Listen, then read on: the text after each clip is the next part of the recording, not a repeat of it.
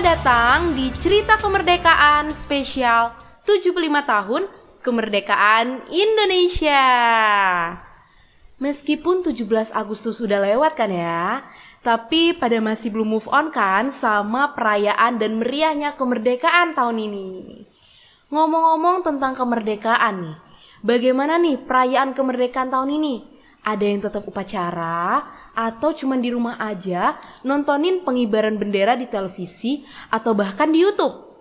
Kalau yang ikutan lomba, ada juga nggak nih? Kira-kira lombanya virtual atau langsung di lapangan komplek rumah? Atau ada yang pantengin terus website untuk rebutan uang pecahan baru 75 ribu. Gila-gila, ternyata meskipun masih di dalam masa pandemi COVID-19, perayaan tahun ini benar-benar tetap beragam dan asik-asik banget. Tapi apa pun bentuk dari perayaan kemerdekaan itu, teman-teman tetap selalu jaga kesehatan ya. Dan yang paling penting banget yaitu mengisi ulang semangat kemerdekaannya dan tetap menjaga semangat itu. Nah ngomong-ngomong lagi nih ya, kan udah lebih dari lima bulan nih kita belajar dan kerja aja dari rumah. Kira-kira ada apa aja sih hal-hal baru yang berhasil teman-teman lakuin? Makin produktif, atau malah makin sering rebahan. Apalagi kan kita baru aja nih merayakan 75 tahun kemerdekaan bangsa kita. Semangat para pejuang bangsa tentu harus ada ya. Tapi sebenarnya kata kemerdekaan itu memiliki arti seperti apa ya? Sebenarnya kita udah merasa merdeka atau malah masih merasa terjajah? Duh, pastinya untuk mengetahui semua ini kita perlu banget nih tahu arti dan makna dari merdeka yang sebenar-benarnya. Dan kali ini khusus kali ini aku bakal menilik sisi lain dari kata kemerdekaan itu. Sebelumnya, sebelum kita masuk ke kata kemerdekaan itu ya, kita perlu nih flashback lagi ke, ayo ke mana? ke masa-masa bukan ke masa lalu bersama mantan ya, tapi ke 75 tahun lalu atau ke tahun-tahun di mana Indonesia masih memperjuangkan kemerdekaannya. Di mana kata merdeka itu ternyata diartikan sebagai kebebasan dari belenggu-belenggu penjajah di Indonesia. Tapi beda cerita lagi nih kalau di tahun 2020 kata merdeka itu cakupannya bisa jauh lebih luas lagi. Bisa banget nih kita artikan sebagai merdeka dalam berkarya, merdeka dalam berinovasi, dan masih banyak lagi pastinya. Tapi di masa pandemi COVID-19 ini, mungkin gak sih perasaan merdeka itu bisa memudar? Apalagi nih ya, pandemi ini membuat keadaan semakin sulit dan semua serba terbatas. Atau jangan-jangan karena terlalu sering di rumah, kreativitas dan inovasi yang dimiliki jadi semakin mentok karena kurang piknik. No, no, no, no, no, no, no, no. Wahai anak muda, segeralah bangkit dari kerajaan-kerajaan kasurmu. Karena semua itu hanyalah mitos. Dan kalau sampai ada yang ngadi-ngadi nih ya, bilang fakta, artinya kalian semua belum memerdekakan diri kalian sendiri. Karena merdeka itu sendiri memiliki arti bebas dan berdiri sendiri, atau bisa kita artikan sebagai sebuah kemandirian. Dengan menggali potensi diri atau minat yang kita miliki, tentu dapat mewujudkan kemandirian dan sampai bisa menginspirasi banyak orang. Seneng dong ya kalau kita bisa menjadi manusia yang bermanfaat untuk orang lain. Nah, sebenarnya kondisi pandemi yang mengharuskan setiap orang lebih banyak menghabiskan waktu di rumah membuat waktu luang untuk lebih memperhatikan diri kita itu tentu lebih banyak. Bahkan hal-hal yang sebelumnya mungkin cuma hobi dan terhalang kesibukan untuk memperdalamnya bisa banget nih, bisa-bisa banget jadi salah satu cara kita untuk menggali potensi yang ada di dalam diri kita. Contohnya nih ya, masak-masak. Ada yang suka masak-masak nggak? Nah, kalau yang suka masak-masak bisa banget nih nemuin resep-resep baru, resep-resep kekinian, dan bisa banget diperjualkan dong di Instagram, di Facebook, di mana pun. Atau ada yang suka berkebun.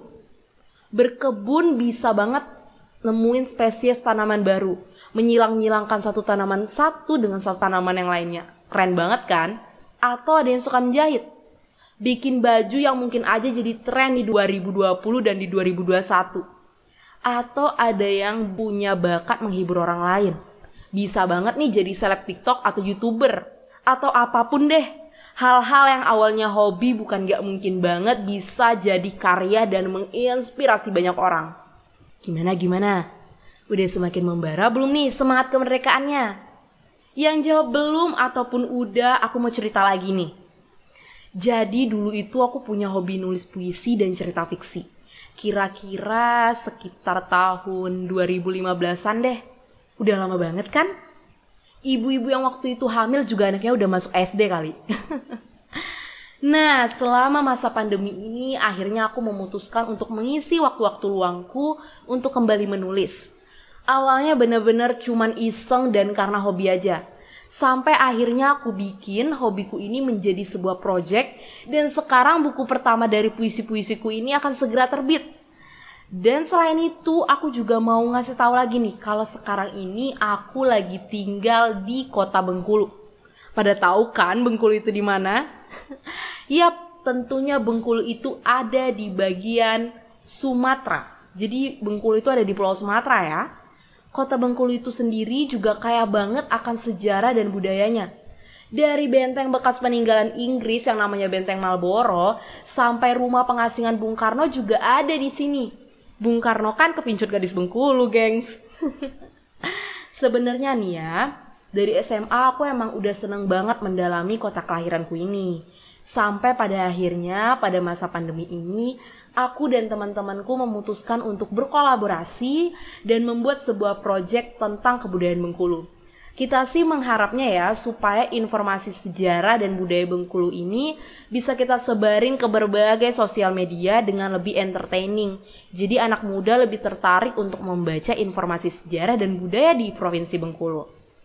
Meski di masa pandemi ini, teman-teman semua masih tetap bisa kok berkolaborasi untuk menyatukan ide-ide kreatif dan inovatif kalian. Dan menariknya lagi nih, hal-hal yang aku ceritain tadi sama sekali nggak pernah terbersit nih di dalam pikiranku untuk ngelakuinnya.